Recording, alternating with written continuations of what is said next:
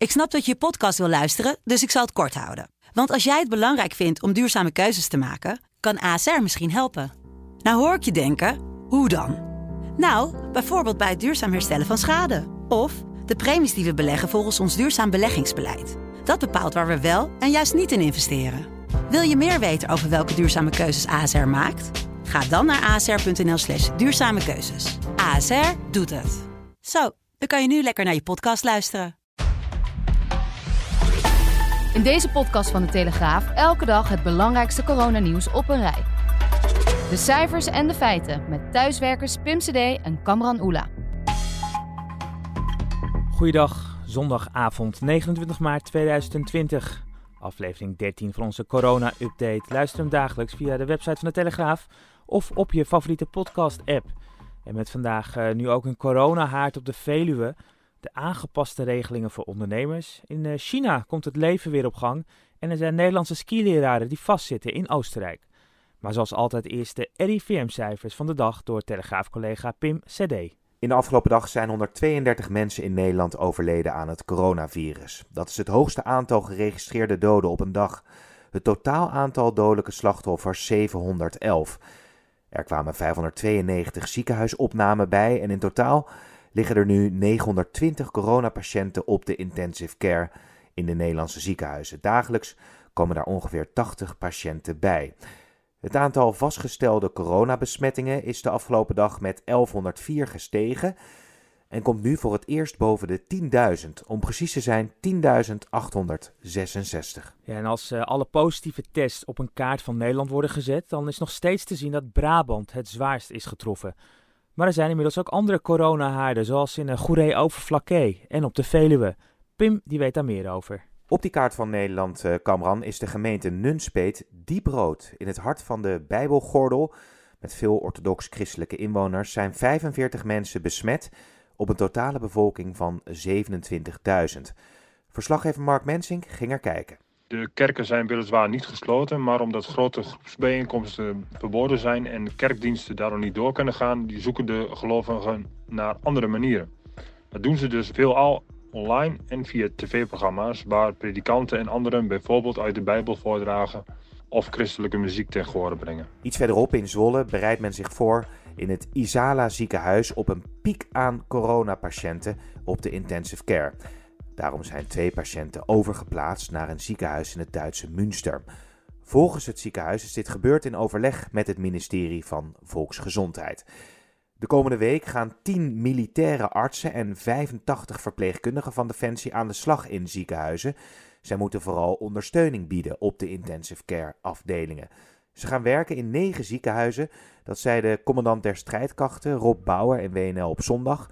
Eerder werd al bekend dat het leger 65 beademingsapparaten aan ziekenhuizen levert.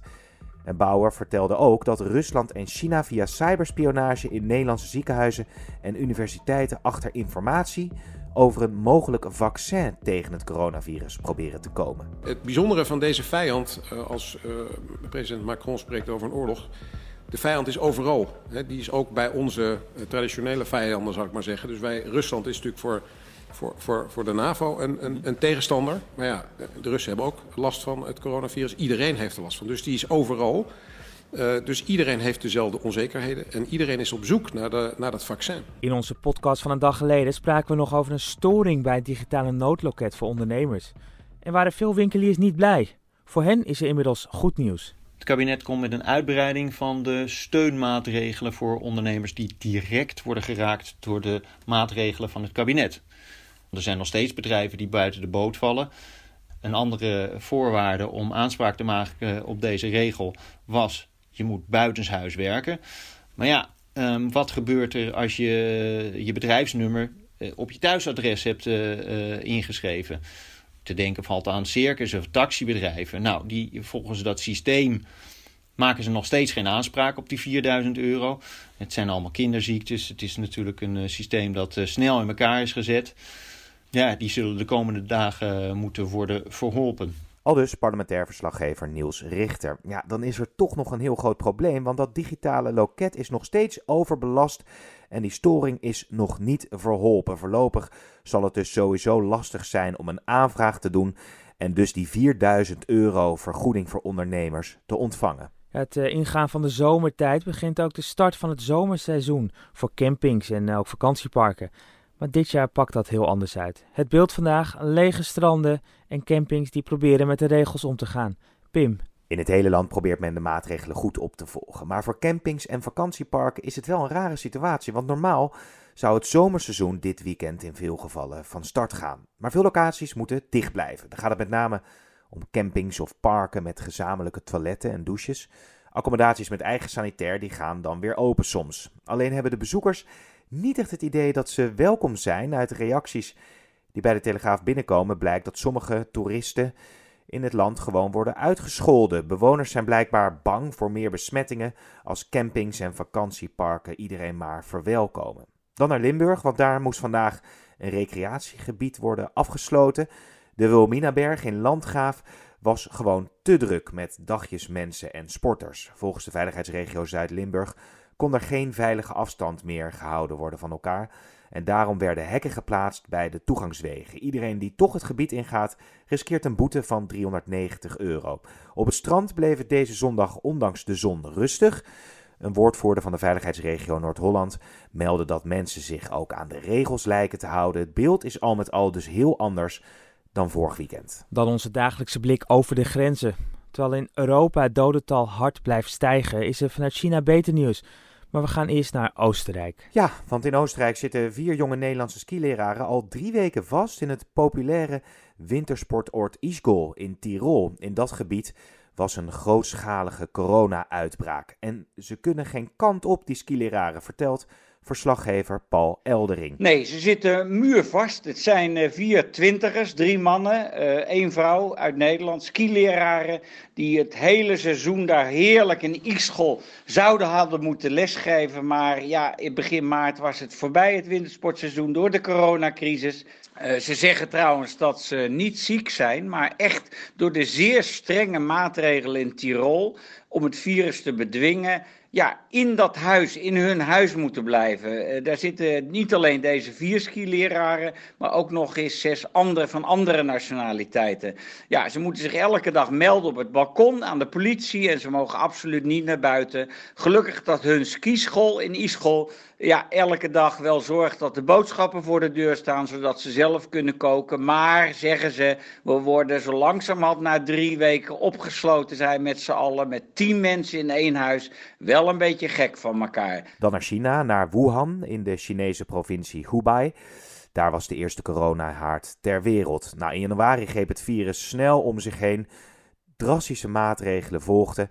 Een kleine drie maanden later komt het gewone leven weer voorzichtig op gang.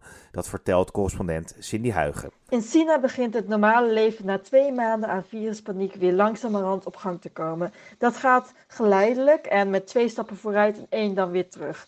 Zo zijn er een paar virusregels die worden gevierd. Uh, bijvoorbeeld Hubei, uh, de provincie waar het allemaal begon, is weer open. Wuhan gaat binnenkort open en er zijn zelfs al mensen die weer de stad in mogen. Maar wat we wel zien is dat het aantal geïmporteerde ziektegevallen hoog is. Bijna alle nieuwe ziektegevallen die China meldt zijn mensen die het virus in het buitenland hebben opgelopen. Om dit in te dammen zijn de regels tegen buitenlanders dus weer strenger geworden. Zo uh, geldt er vanaf dit weekend een uh, inreisverbod voor mensen zonder een Chinees paspoort. Ook zie je dat bij uh, populaire restaurants en clubs waar heel veel buitenlanders komen, uh, dat daar de virusregels weer heel erg worden gehandhaafd. In Duitsland is uh, Thomas Schäfer, minister van Financiën van de Duitse deelstaat Hessen, onverwacht overleden. Volgens Duitse justitie zijn er sterke aanwijzingen dat de politicus zelfmoord heeft gepleegd. De lokale premier en partijgenoot van Schäfer die heeft gezegd dat Schäfer zich grote zorgen maakte om de coronacrisis en mogelijk daarom uit het leven is gestapt. En dan nog opmerkelijk nieuws uit Groenland. Daar hebben de autoriteiten de verkoop van alcohol in de hoofdstad Nuuk tijdelijk verboden. Om kinderen te beschermen tegen geweld en misbruik thuis. Ook in Groenland zijn de scholen dicht. En de minister van Gezondheid daar die zei dat het geweld van ouders tegen kinderen de afgelopen weken is toegenomen. Met deze maatregelen moet thuis weer een veiliger plek worden voor kinderen. En dan zo aan het einde van deze podcast weer korte coronaberichten door Pim. Paus Franciscus wil dat er gehoor wordt gegeven aan een oproep van de Verenigde Naties om wereldwijd de wapens te laten zwijgen. Dan zou er meer aandacht besteed kunnen worden aan de strijd tegen het coronavirus. Thalys dan, eh, die stopt vanaf dinsdag met het aanbieden van de directe treinreizen tussen Amsterdam en Parijs. De Thalys stopt niet helemaal. Een paar keer per dag blijft de verbinding Amsterdam-Brussel-Zuid rijden. En dan een bijzondere repatriëringsvlucht vandaag. De KL866 vanuit Mexico City was de laatste KLM-passagiersvlucht uitgevoerd door een KLM 747. De luchtvaartmaatschappij neemt vanwege de coronacrisis versneld afscheid van de Queen of the Skies. Goedemiddag KLM 7 Yankee, welkom. Ik heb helaas niet heel veel uh, mooie woorden voor u. Ik weet dat het voor heel veel lucht, luchtvaartliefhebbers een verdrietig moment is, maar uh, het is Cleveland Traffic Center, de wind 03024, gusting 36. Komt bij de goed hard hoor ik. Clearland 36 Center, dank u wel. Vanwege de maatregelen werden spotters trouwens geweerd. Ja, en het lijkt echt te gaan gebeuren. Een nationaal coronalied. Jawel, 100 BN'ers. Van Gordon tot Danny Blind. Van Edcilia Rombly tot Ellie Lus. Samen maken ze het nummer Zon. Maandagavond bij Jinek wordt het gepresenteerd. Nou, ik eh, ben enorm benieuwd. De laatste keer dat er een nationaal nummer was, klonk het um, zo.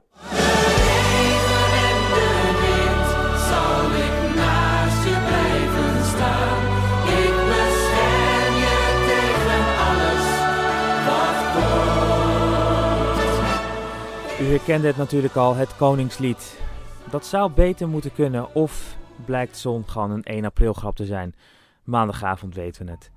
Dit was de Telegraaf Corona Update van zondag 29 maart. Alle onderwerpen uit deze podcast zijn uitgebreider te lezen en te zien op de site van de Telegraaf. En natuurlijk ook in onze krant. Hou je aan de richtlijnen, blijf vooral ook gezond en wat ons betreft, tot morgen.